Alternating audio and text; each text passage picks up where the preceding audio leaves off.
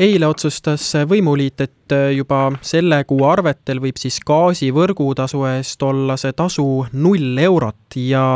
see siis kestab praeguse plaani kohaselt kuni märtsikuuni ja nüüd oleme helistanud riigihalduse ministrile Jaak Aabile, tere päevast teile! tere päevast! Ennem kui sisu juurde jõuame, ega see vist ei ole saladus, et see oli päris suur tüliõun tervikuna siis nii-öelda erinevate leevendusmeetmete väljapakkumine teie ja koalitsioonipartneri Reformierakonna vahel, kas see nüüd on kompromiss? no tüli poliitilistes aruteludes on ehk väga karm sõna, aga äh, alates riigieelarve koostamisest, järgmise aasta riigieelarve koostamisest oleme erinevate ettepanekutega Äh, koalitsioonipartneri poole küll pöördunud jah, et esimene oli siis riigieelarves aktsiiside edasilükkamine, millega ka nõustuti ja siis teine meede, mis me hinnatõusu leevenduseks oleme juba rakendanud, on siis elektrivõrgu tasude poole võrra vähendamine, see tuli juba oktoobrikuu arvetel. kuna hinnatõusud ja see olukord siiski noh, nii oktoobris, novembris, detsembris on näha,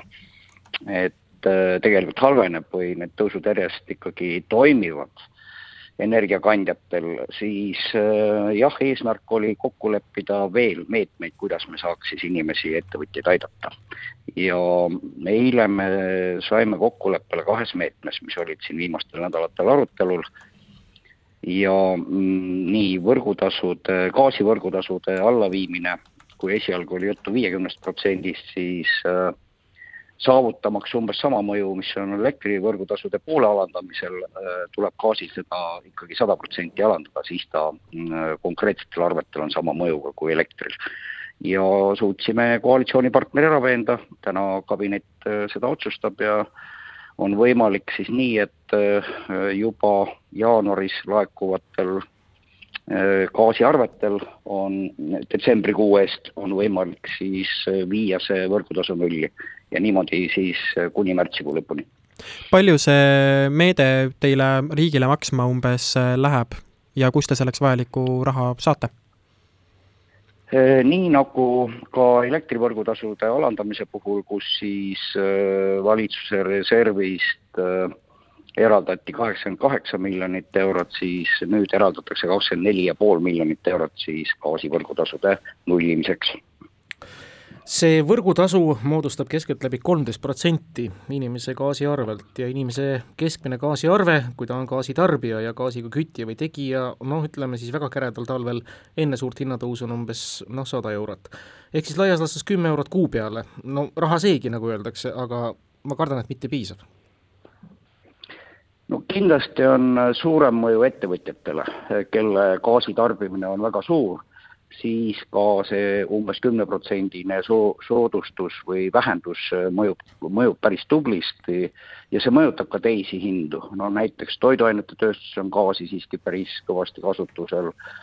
ja mm, need ettevõtjate liidud on ka sellise palvega meie poole pöördunud ja on hea meel, et siiski saime selle, selle nagu leevenduse tehtud iga asi aitab, tuleb vaadata kogu paketis neid leevendusi, elektrivõrgutasu alandamine, gaasivõrgutasu nulli viimine. Ja lisaks siis nüüd on kokku lepitud ka see meede, milles me saame kahe, kasutada siis CO kahe eh, kaubandusest laekuvat ületulu, ega see ka tulu tuleb suurem ju tänu sellele, et elektriarved on kõrgemad elektri hind on kõrgem, sellest laekub ka riigile suuremat tulu ja, ja selle ülelaekuva tulu me soovime siis maksta inimestele toetuseks nii elektri, gaasi kui kaugkütte hinnatõusu eh, kompenseerimiseks aga kui nüüd lahkesti on see gaasi võrgutasu otsustatud nulli viia, siis miks mitte viia nulli ka näiteks elektri võrgutasu? Mm, ka need ettepanekud on olnud arutusel, nii käibemaksu alandamine kui ka elektrivõrgutasu nulli viimine. Ei ole leidnud toetust, eks neil on ka suured rahalised mõjud ja, ja pigem nagu ei ole koalitsioonipartner seni nendega nõustunud, selleks tõenäoliselt oleks hakat-, pidanud tegema kohe hakkama lisaeelarvet. aga eks me seda diskussiooni jätkame, keegi ei oska ju öelda, mis juhtub nende arvetega ja olukorraga ka uuel aastal, ega me siis veel pääsenud ei ole aga ma arvan, et noh, see meede, kus me kodutarbijaid aitame nüüd konkreetselt, kas siis elektri, gaasi või kaugkütte puhul, aitab siis peresid ja kodumajapidamisi ikkagi kõige rohkem. Ja just selle koha peal, kus need arved on kõige suuremad ja tuletan meelde, et see toetusmeede siis kehtib juba eh, see alates septembrist ehk septembri, oktoobri, novembri, detsembri arved on jaanuaris võimalik kohalikul omavalitsusel esitada ja saada sealt hinnatõusust kaheksakümmend protsenti tagasi koalitsioonipartnerite diskussiooni te kirjeldate nii ilusti ja kuidagi leebelt, kas siis tõesti ei ole asi nüüd nii hull, nagu siin vahepeal maaliti, et põhimõtteliselt oleks valitsus nende samade meetmete, leevenduste, erimeelsuste osas peaaegu et laiali läinud? no see on tegelikult äh, poliitilises iga või äh, poliitilises elus on see igapäevane, et äh, arutatakse erinevate ettepanekute üle. ja, ja need arutelud on, on olnud ka väga põhjalikud, et nii nagu ütlesin, me oleme tegelikult erakonna delegatsiooni poolt ja ka ministrite poolt pakkunud välja need erinevad meetmed ja mul on siiski hea meel, et et päris mitmed neist on nüüd otsustatud ja rakendunud ja kindlasti nad leevendust toovad mis edasi, näitab aeg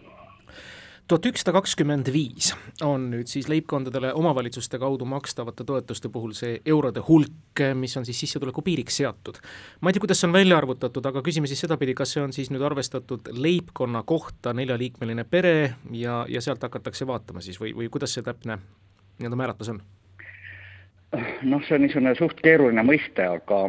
teda arvutatakse mediaan keskmise sissetuleku järgi esimese leibkonnaliikme kohta.